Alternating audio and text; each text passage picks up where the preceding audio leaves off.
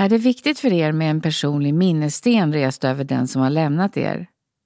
Vi samarbetar med Durus som är en av Sveriges största leverantörer av gravstenar. Edurus erbjuder kostnadsfri rådgivning och är bara ett samtal bort när ni har frågor eller behöver hjälp. Ring 08-673 50 00 eller besök edurus.se.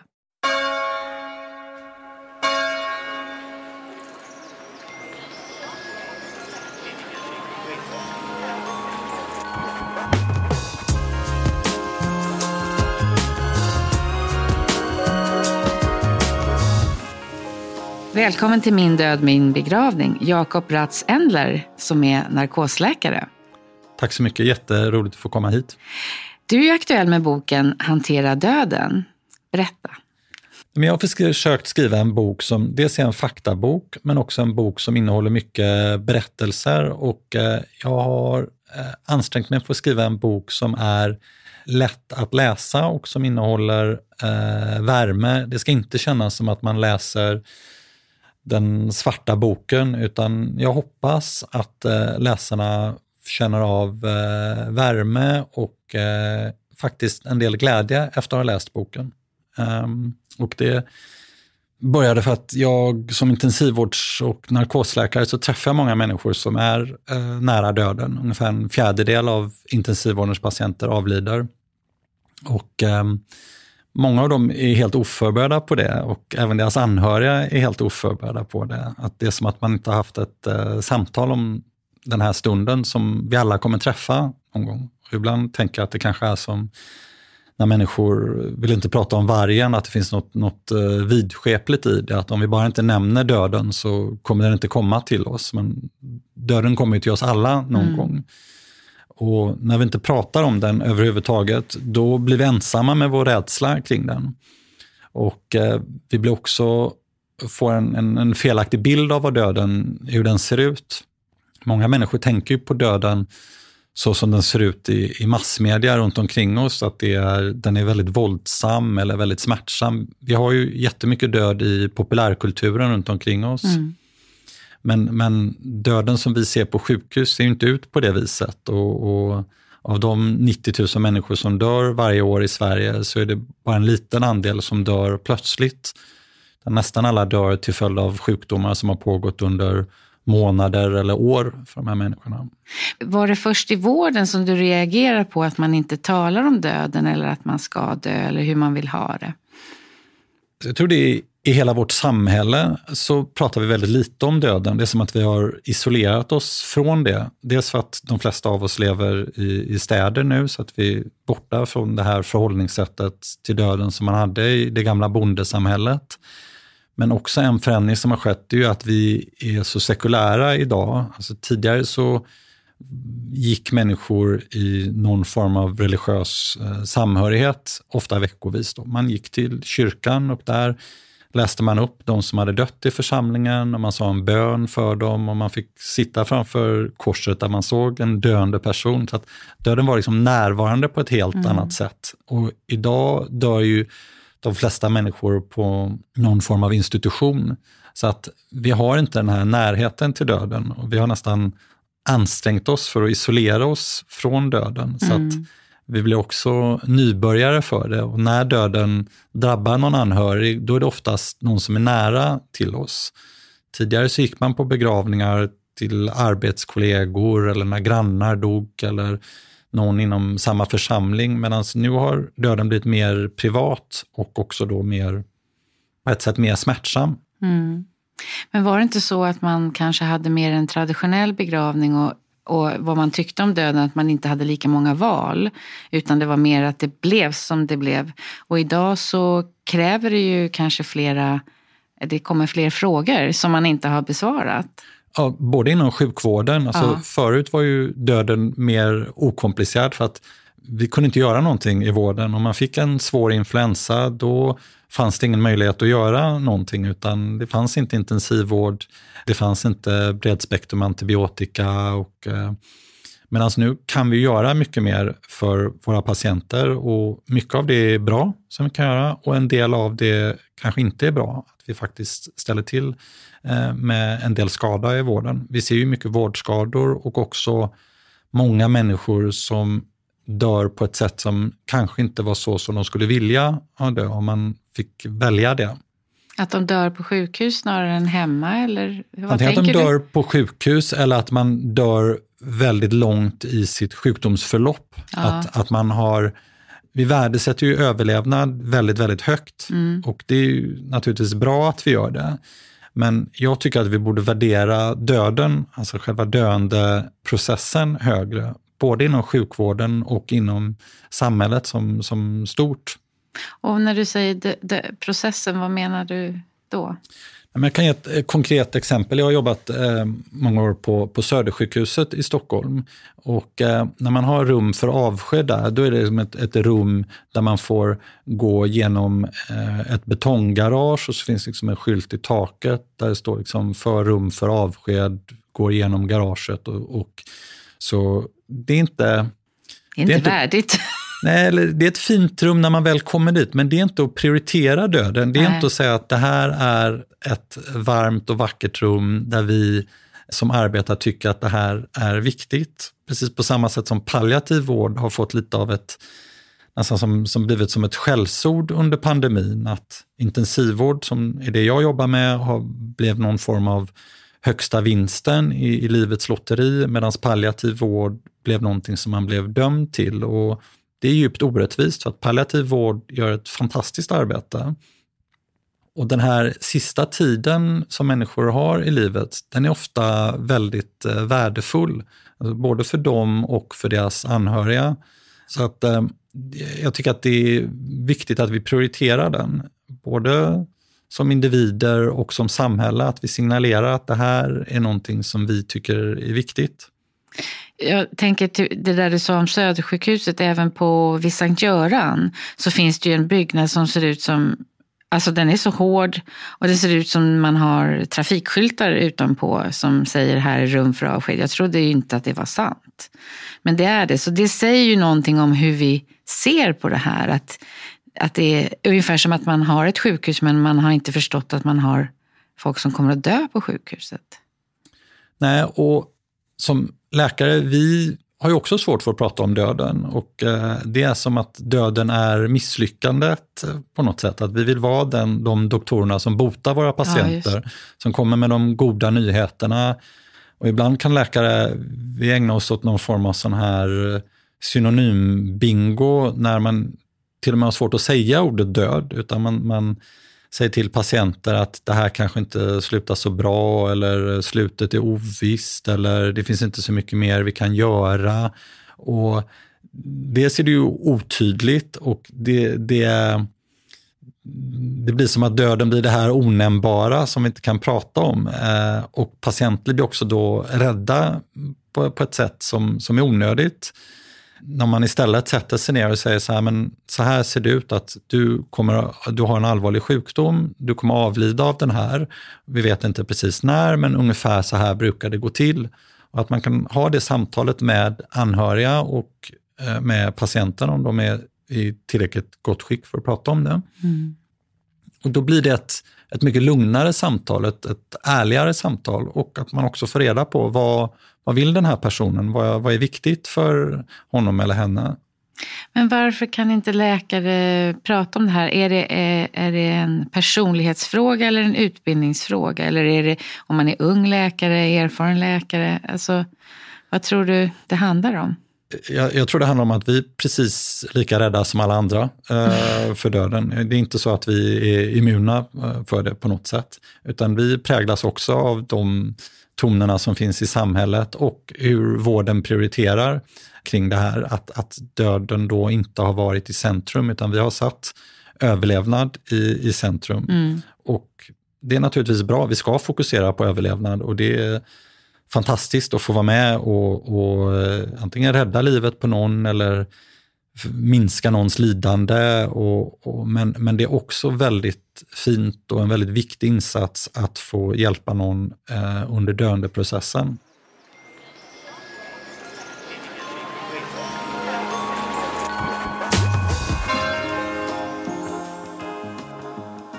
Men hur är det för er som jobbar med de här patienterna? Är det så att patienten accepterar ett sånt här besked bättre än de anhöriga eller är det olika från fall till fall? Det är jätteolika. Mm. Varifrån man kommer, eh, alltså vad man har varit med om tidigare i livet, eh, vad man har för eh, tidigare erfarenhet av sjukvården och också hur ens sjukdomsförlopp ser ut.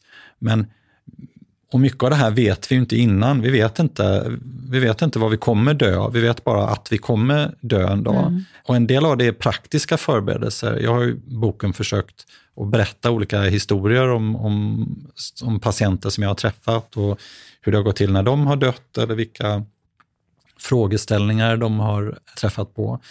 Vad tycker du är de viktiga sakerna som vi alla bör tänka på? Som när du skrev boken så har du ju har du beskrivit många olika saker. Det finns ju allting från det praktiska men det handlar ju om mm, fler saker emellan där.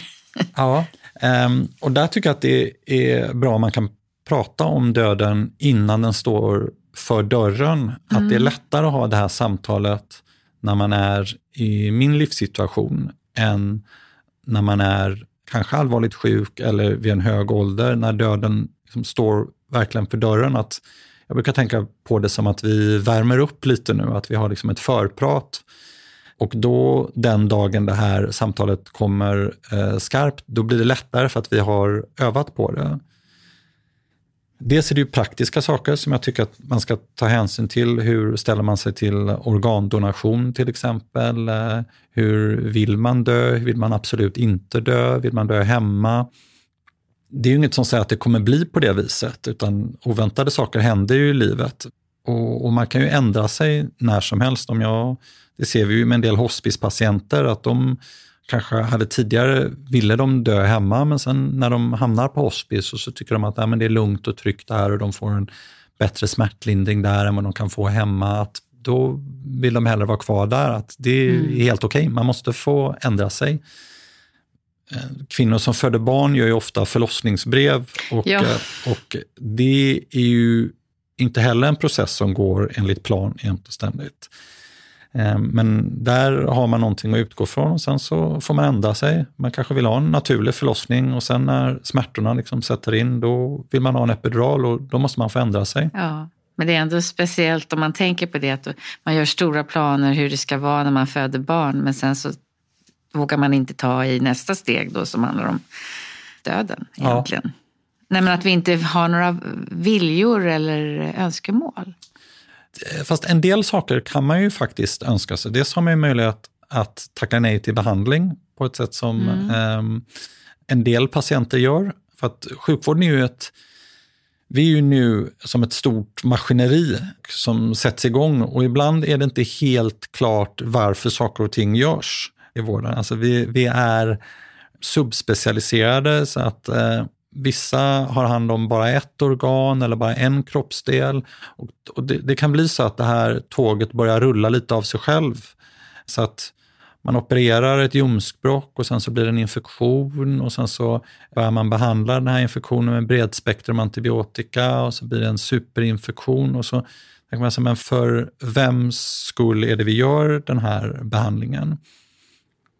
Och alla gör ju det här säga, av, av goda intentioner. Mm, överlevnad. Eh, eh, ja, men överlevnad blir um, det högsta fokuset och mm. kanske då tappar man möjligheten till en lugn och eh, stilla död, mm. där anhöriga kan vara med. Döden. Det mm. tyckte jag var under pandemin en sån sak som vi misslyckades med. Det var att vi i många fall lyckades inte värna om döendet så att människor fick dö utan sina anhöriga och anhöriga fick inte ta mm. farväl av, av eh, sina döda.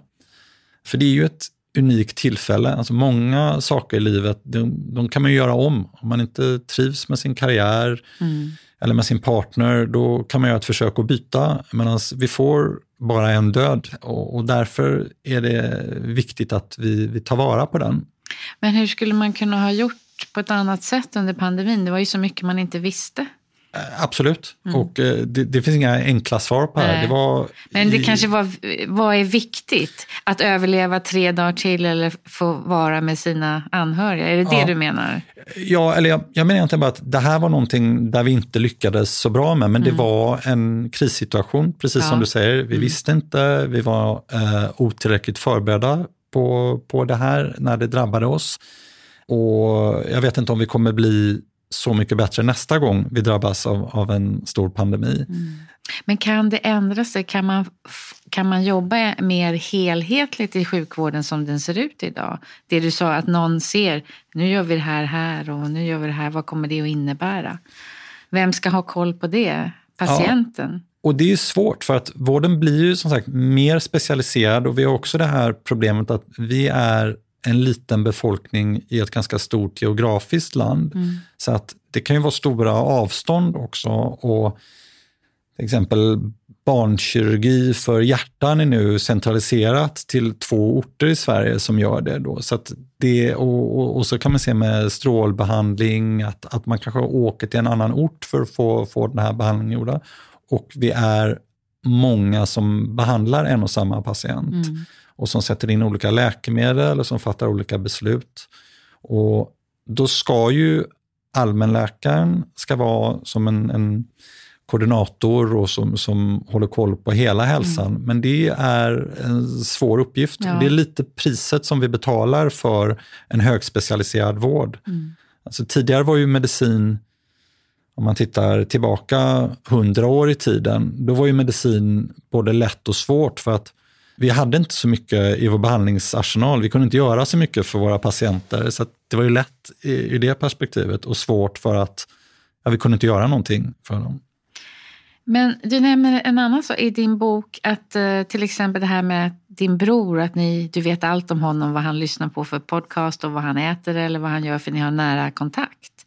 Men du vet inte hur han vill, om han vill begravas eller om han vill kremeras eller Alltså, det börjar redan när det är det privata att man upptäcker att man inte pratar om de här sakerna. Ja, och det tror jag även är eh, makar emellan och mm. syskon och eh, livslånga partners, att eh, man liksom inte har pratat om det här överhuvudtaget, utan det är som det stora tabuet som man inte får nämna. Ja. En sak som jag eh, skulle vilja prata om det är att jag tycker att tankar på döden och samtal om döden är någonting som hjälper oss i vardagen. Att när jag berättade för människor om, om vad jag skrev på, då ryggade väldigt många tillbaka och så vill man se dem så säger de åh vad tungt eller vad jobbigt med, med döden. Och det kan det ju vara, men jag upplever också att döden hjälper mig i min vardag. Att den, den sätter perspektiv på saker och ting. Att om jag är nervös för någonting eh, som, jag ska, som jag ska gå igenom, då tänker jag att men, jag har bara de här dagarna som jag kommer att leva. Jag vet inte hur många dagar det är, men det här är så som jag vill leva mitt, dag, eh, mitt liv. Och det får mig att värdesätta saker och ting som jag inte kanske annars värdesätter. Det, jag, jag, tänker på de relationer jag har, på de saker som jag har, som jag uppskattar. Jag, jag tycker det finns, det finns mycket lycka att hämta i mm. samtal om döden. Och när man, när, man, när man är med människor som dör och ser deras anhöriga som är där, då är det ju ofta mycket sorg i rummet, men det är också väldigt kärleksfullt. Alltså den här sista stunden, den är ofta befriad från vardagens krafs, om vi säger så. Alltså vardagens bråte som skymmer mm. eh, våra egentliga liv. Och istället så är det kärlek i, i rummet. Alltså man, man pratar om sånt som är viktigt och eh, man berättar för varandra hur mycket man har betytt för varandra eller betyder för varandra. Och det är en, en väldigt fin stund. Och tankar på den är eh, det är sorgligt när man tänker på det, att det här kommer hända någon gång. Men, men också finns eh, eh, både hopp och mycket värme i det. Hur mycket tror du har att göra med att du jobbar inom sjukvården, att du närmar dig det här ämnet döden? Eller är det egentligen ett person, för det blir ju till slut ett personligt eh, ställningstagande. Nej, men jag tror att det har mycket att göra med att jag jobbar i vården mm. och i, i, min bok så har jag också berättat om många patienter ja. och anhöriga som jag har pratat och eh, träffat på. För att eh, jag tror att jag har ändrat min bild av hur döden ser ut och eh, också blivit mindre rädd för döden. En del människor är ju rädda för döden, för själva döendet och en del är rädda för det som kommer efteråt.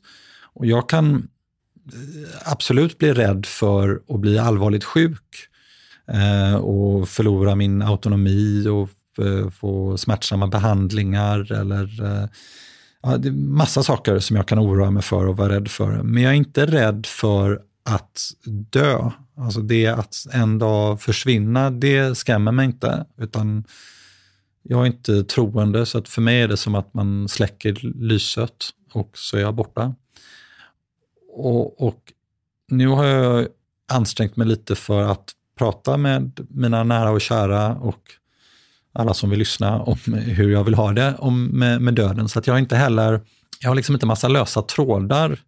Jag, I slutet på boken så har jag gjort en så här checklista av vad jag tycker att man ska liksom prata om. Mm. Eh, och jag har inte massa skelett på min garderob som jag är liksom orolig för att någon ska hitta när jag är borta. Eh, eller jag har inte något stort arv eh, som mina barn kommer bråka om när jag är borta. Eller det finns inte mycket oklarheter. Mm. Och det tror jag också gör att det, nu hoppas jag att det dröjer länge innan jag dör, men att det gör det lättare mm. att dö än att lämna någonting efter sig som är oklart. Och det ser vi ju mycket konflikter kring arv efter att människor har dött. Och den konstruktionen som vi har för arv, alltså att man inte pratar om det överhuvudtaget.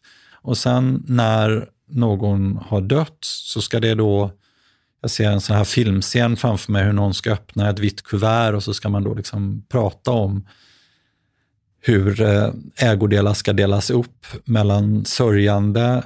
Och det, det är som gjort för att skapa konflikter. Mm. Istället för att man, ja, man betraktar det som vuxna.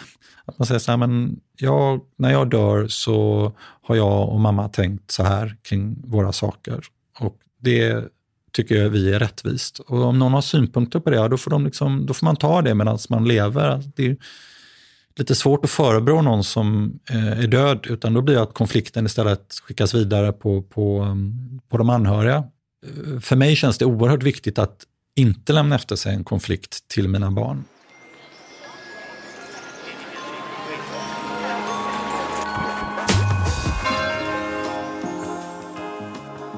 Så egentligen behöver man ju inte vara läkare för att börja ifrågasätta de här sakerna eller börja tänka på det, utan det handlar ju mer om att man, om man verkligen vill se till att man inte får konflikt efter sig eller så, så är det ju intressant att titta hur man vill ha det och börja närma sig det, eller hur? Det var lite det jag menar, det kanske du, du, blev, eh, du har sett mycket om, kring döden i ditt yrke, men det har ju också gjort att du personligen har ordnat upp massa saker. Ja, och jag, jag pratade med en eh, väldigt klok sjukhuspräst eh, när jag skrev boken. Hon sa att människor tänker mycket mer på döden än vad vi tror. Mm. Och att om man bara liksom, öppnar på dörren lite till en annan människa, då kommer det inte vara så svårt det här samtalet. Alltså det samtalet som vi fruktar att ha med mamma eller pappa eller med vår partner, de har redan tänkt på det här. Det är inte så att de, de vet att de kommer dö.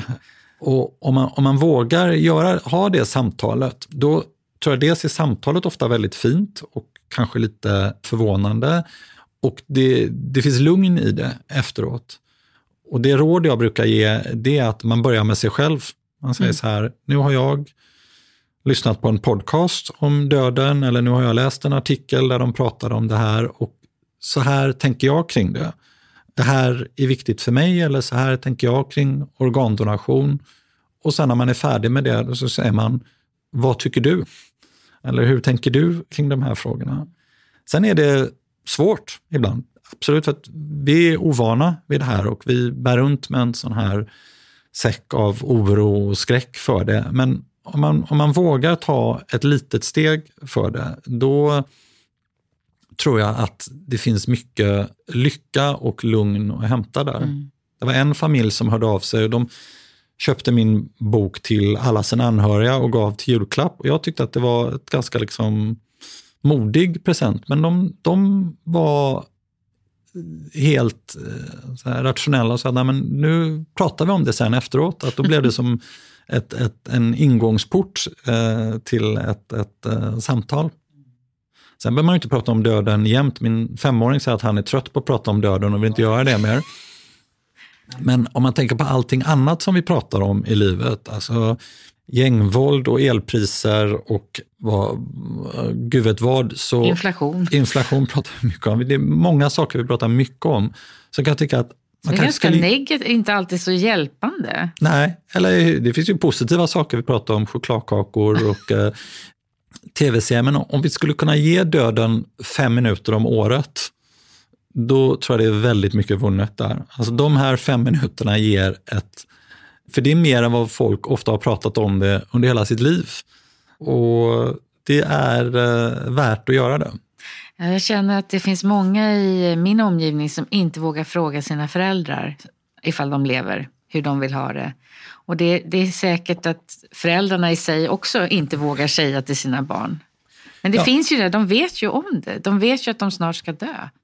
Ja, och det är någon sån här missriktad eh, välvilja som man visar mot varandra. Att man, man vill inte göra den andra ledsen. Nej. Och istället då så blundar vi för det här eh, samtalet. Och jag tror att vi inte gör varandra ledsna i det. Eh, jag berättar någonstans i boken om en, en kvinna som går och besöker sin morfars grav tillsammans med sin mamma. Och sen när de går därifrån så pekar eh, mamman på en, en annan grav och säger där vill jag ligga. Och först då så får dottern, känner dottern som liksom ett stygn av, av, av rädsla och oro när hon gör det. Och samtidigt så blir hon lugn av det, för nu vet hon en sån sak som hon liksom har funderat över tidigare. Och hon märker också på sin mamma att även mamman känner sig lättad av det här, för att nu har hon sagt det. Nu är det ute, nu vet dottern. Och en sån sak som hon har oroat sig för tidigare, hur ska hon ta upp det, vad kommer hända efter att hon dör? Nu är det inte så länge, utan nu är det, nu är det ute i luften. Tycker du att det har förändrats på något sätt? Att det finns fler och fler som vill prata om det här? Jag vet inte vad jag ska svara riktigt, för att jag pratar ju ganska mycket om döden nu, ja. för att jag eh, har gjort, dels med boken, och så har jag gjort eh, mycket intervjuer, och mm. det var i mm. tv och radio och sådär. Så att jag, jag pratar ofta om döden, så mm. jag, jag, vet inte om jag är en, en genomsnittsperson. Nej. Och nu också i mitt arbete så försöker jag att prata om döden när det är lämpligt, inte om man ska opereras för en blindtarmsinflammation, då brukar jag inte ta upp det. Men, men om man är allvarligt sjuk och hamnar på intensiven, då försöker jag så ofta jag kan ha ett samtal med patienterna och med deras anhöriga om ja, döden. Kan du välja det själv? Eller är det ingenting du behöver diskutera med någon annan? Nej, nej jag väljer själv vad jag ja. pratar med mina patienter om. Ja, men det är så äh, alltså? Ja, ja, absolut. Det gör alla läkare? Ja, mm. Sen eh, är det också ett samtal som kan vara svårt för många att ha och, och framförallt första gången man träffar någon. och Därför är det ju önskvärt att människor har pratat igenom det här tidigare. Vi pratade lite förut om vem mm. det var som var, var ansvarig för patientens vård. Om ja. det är speci specialisten eller om det är eh, ens husläkare som är det, som, som har någon form av paraplyansvar eh, för patienten. Eller patienten själv eller deras anhöriga. Och det, det, blir ju eh, svårt, men om man har haft det här samtalet hemma tidigare, då blir det lättare att ha det sen på sjukhuset när, man, när någonting händer, när man drabbas kanske av en stor hjärnblödning eller av en allvarlig eh, infektion. Och då säger man, men mamma har sagt att hon, hon vill inte hamna på intensiven, hon vill inte ligga i ventilator. Eller pappa har varit väldigt tydlig, han vill att hans organ ska doneras. Om man frågar människor på gatan, då är åtta av tio är positiva till mm. organdonation. Men när man tittar hur många det är som har eh, registrerat sig i sin vilja så är det bara en av tio som har gjort det. Och där, det, det, det, det går på två minuter att göra det på Socialstyrelsens hemsida. Kostar ingenting och man kan också ändra sig i efterhand, det, det, man, det man har registrerat. Om man registrerar sin, sin vilja så att om man är vill donera sina organ så kan man uppge det. Om man inte vill registrera sina organ så kan man också uppge det. Och Det är att göra livet mycket lättare för sina anhöriga för att om det då händer något oväntat, man råkar ut för en stor hjärnblödning eller en bilolycka, ja då, då finns den här uppgiften mm. här och det är, alltså jag brukar tänka på de här samtalen om döden lite som en kärlekshandling som man gör för sina anhöriga, att man vill göra livet så lätt som möjligt för dem när man är borta och, och förbereda för det. Och det behöver inte vara man behöver inte skriva en, en, en roman om hur man vill att det ska, utan man kan skriva fem punkter. Det här är viktigt för mig, så här vill jag bli begravd, så här vill jag att mitt arv ska se ut och så här tänker jag kring uh, organdonation. Då har man gjort ganska mycket för sina anhöriga och göra livet lättare för dem. Och allra helst att man har det samtalet med dem också, att man mm. säger så här resonerar jag, det här, så här tycker jag. Men varför tror du att det är så få, så många som säger att de vill organdonera och så få som gör det? Är det handlingen i sig, att det inte blir av eller är det att vi inte har tillräckligt med information? Jag trodde till exempel att man, det fanns en eh, bäst före-datum på hur gammal man är för att donera och sånt. Ja, nej, det finns det inte. Äh, utan det, det säger kan, alla. Ja, nej. Eller alla kan inte donera nej. alla organ, men vi kan alltid göra en bedömning av patienterna. Ibland mm. finns det någonting som går att, att donera, ibland finns det ingenting. Men det finns inget eh, högsta eh, datum för det. Men den här frågan varför det är så svårt, jag tror det är att vi fyller upp vår vardag med väldigt många frågor och Vissa av dem är sådana frågor som vi vet att vi borde ta tag i och så gör vi inte det för att vi tycker att det är jobbigt. Som pensionssparande till exempel är en sån sak som jag tror många har dåligt samvete för att jag borde verkligen ta tag i det där och jag har inte gjort det. Mm. Och, eh, det jag vill slå ett slag för med, med samtal om döden är att dels gör man en insats för sina anhöriga och att samtalet i sig är inte så jobbigt utan mer minnesvärt och ofta väldigt varmt och eh, kärleksfullt. Mm. Jag tror också man kanske vill skriva ner saker men man kanske inte vet vad man vill. Så här, kremering eller jo, eh, ja, kistbegravning eller alltså det, det tål ju också att man börjar man tänka på det här så måste man ju värdera olika saker också. Ja. Och Det kan ju också vara så att vissa saker inte är viktiga för en. Nej. Så att för min del, det spelar inte så stor roll om jag ska bli kremerad eller om jag ska bli begravd. Eller om de vill begrava mig på en vacker kyrkogård eller på Gröna Lund som jag avskyr att vara på. Alltså det, är inte, det är liksom inte så viktigt för mig. Utan det är andra saker som är viktiga för mig. Det här som jag pratade om förut, om att inte lämna en konflikt efter mig, eh, är, är jätteviktigt. Att det inte ska finnas skelett i garderoben eller saker och ting som är ouppklarade. Det känns också jätteviktigt organdonation är viktigt för mig och då har jag eh, ägnat de här två minuterna åt att registrera det på Socialstyrelsens hemsida.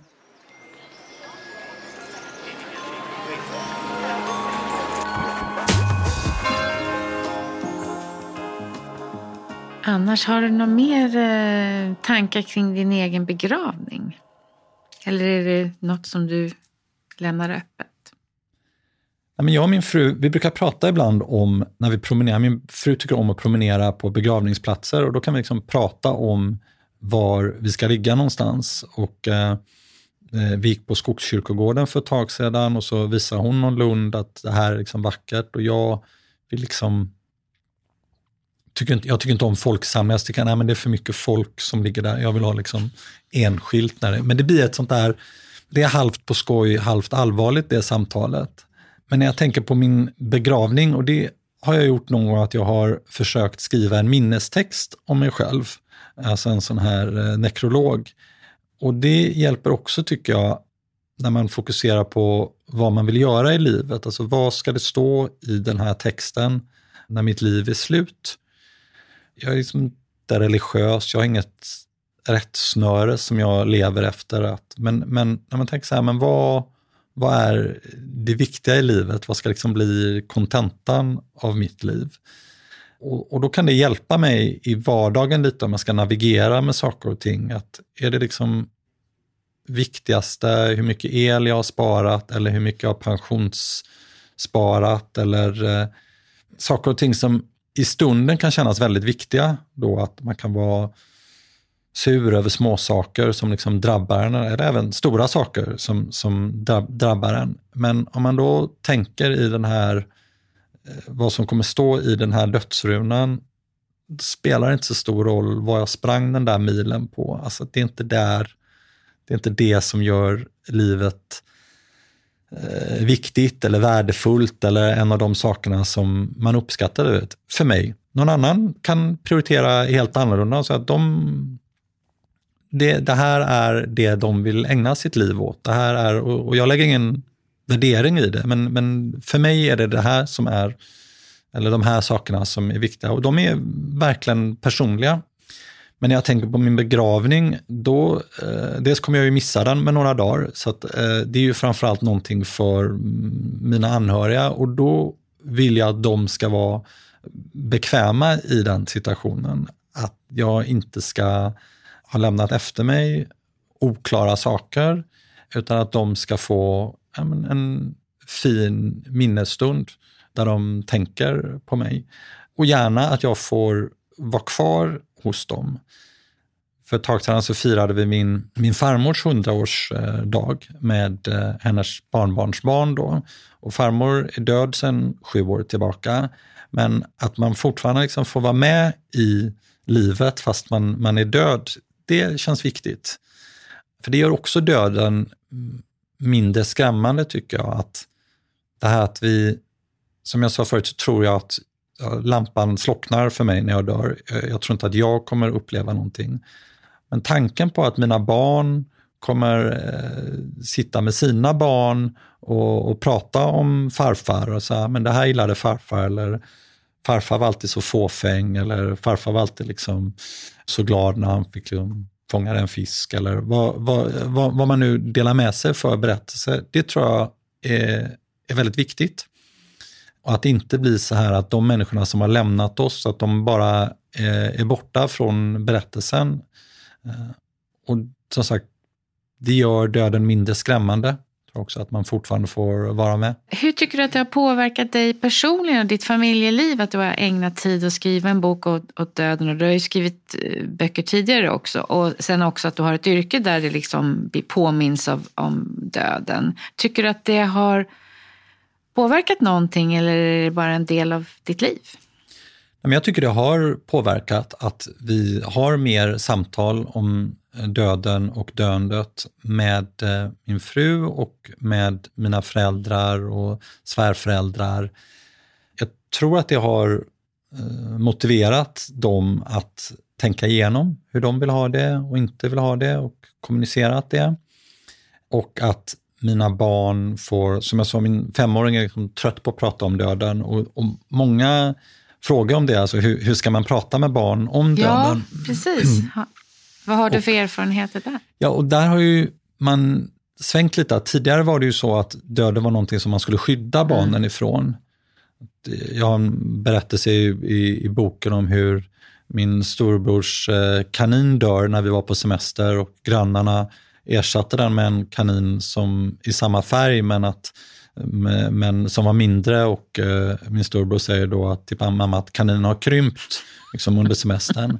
och, och, eh, det är en gullig historia, men det, det tycker inte jag är, är rätt sätt att prata om, om döden med, med sina barn. Eller rättare sagt att inte prata om döden, utan att man faktiskt tar upp det att döden är en, en, en del av livet. Vi kan, inte, vi kan inte särskilja den. Vi kan inte, vi kan inte skydda våra barn mot de här eh, tankarna på det. Och om man gör det risken att barnen blir väldigt rädda och framförallt när de då märker att man får ett, när, eller inte om, när man får ett dödsfall i familjen eller i ens om, omgivning, att barnen känner ju av då att de, de vuxna är ledsna och berörda av det, det som hänt. Så att jag tror det är jätteviktigt att de inkluderas i de här samtalen. Mm. Sen så får man ju utgå från deras ålder och deras mognad. Eh, hur mycket de kan ta till sig ja. eh, av, av döden.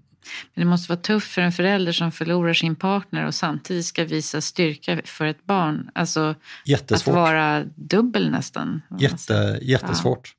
Ja. Det är en sån sak som sjukvården har blivit bättre på, att man inkluderar anhöriga och det finns eh, kuratorer och läkare och sjuksköterskor som, som, som pratar med de anhöriga och även med barnen. Då. Mm.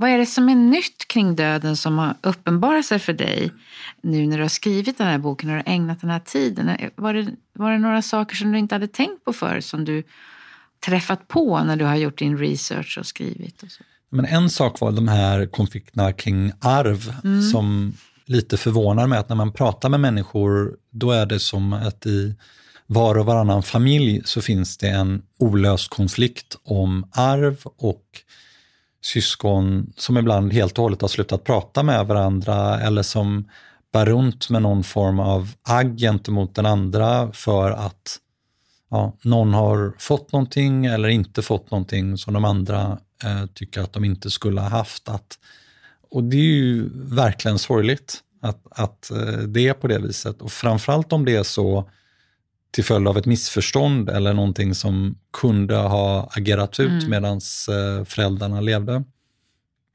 Sen är ju döden, jag har skrivit lite om så här, döden i framtiden, alltså hur kommer döden mm. se, se, ut? Att, eh, vi har ju fått nu möjlighet att skjuta döden framför oss. Än så länge så är ju döden hundraprocentig. Men vi har ju mer möjligheter idag än vad vi hade för 50 år sedan att, att eh, påverka döden. Och det skapar ju nya etiska dilemman för oss, som vi har varit inne lite på. Hur mycket ska vi göra för patienter? Och till, till, till vilken nytta? Varför gör vi det, det vi gör? Och det kommer ju bara öka i framtiden för att vi i vården kommer bli bättre och bättre på att mm. göra saker och ting. Och det finns ju människor som tror att vi kommer kunna avskaffa döden. Inte helt och hållet, men att stegvis så kommer döden bli mer och mer sällsynt. Först kommer det nog bli så att vi alla kan uppnå den maximala biologiska åldern som extremt gamla människor, alltså någonstans runt 120 års ålder, mm. att vi kommer kunna bota åderförkalkning och cancersjukdomar. Och sen kanske nästa steg blir att vi blir bra på att göra artificiella organ och så kommer man kunna byta ut dem och sen någon gång i framtiden så kanske vi kommer kunna komma åt varför celler åldras så att vi helt enkelt kommer sluta att åldras. Mm. Och Det blir också en väldigt spännande dynamik där. Alltså, det finns ju den här sången att eh, alla vill till himlen men ingen vill dö. Mm. Och om man då tänker sig ett evigt liv eller ett väldigt långt liv bara, alltså ett liv som inte är 90-100 år, utan om man tänker att man ska leva i 200 år istället, eller 250 år, då, alltså hur kommer samhället se ut då? Att, då går inte bara, precis, släktmiddagen blir jätteutmanande då, liksom, när man får sitta till barnbordet tills man är liksom 50-60 och eh, man har liksom en chef som är en ungtupp som bara är 120 år gammal. Alltså det, det ställer enorma utmaningar på, på vårt samhälle. Kanske är det inte vad vi önskar heller. Att, jag tror det är Kierkegaard som säger att rätt använt är livet långt nog. Att vi, vi, vi vill alla leva, men det, det som är viktigt är hur vi fyller våra liv hur, eh, och kanske inte riktigt hur långa de är. Tack Jakob Ratz Endler för att du ville dela med dig av dina spaningar på ämnet. Tack så mycket att jag fick vara med, det var jättetrevligt. Tack för att ni lyssnar på podden Min död, min begravning. Nu har vi fyllt ett år och för att fira det får du gärna rekommendera den här podden till någon i din närhet.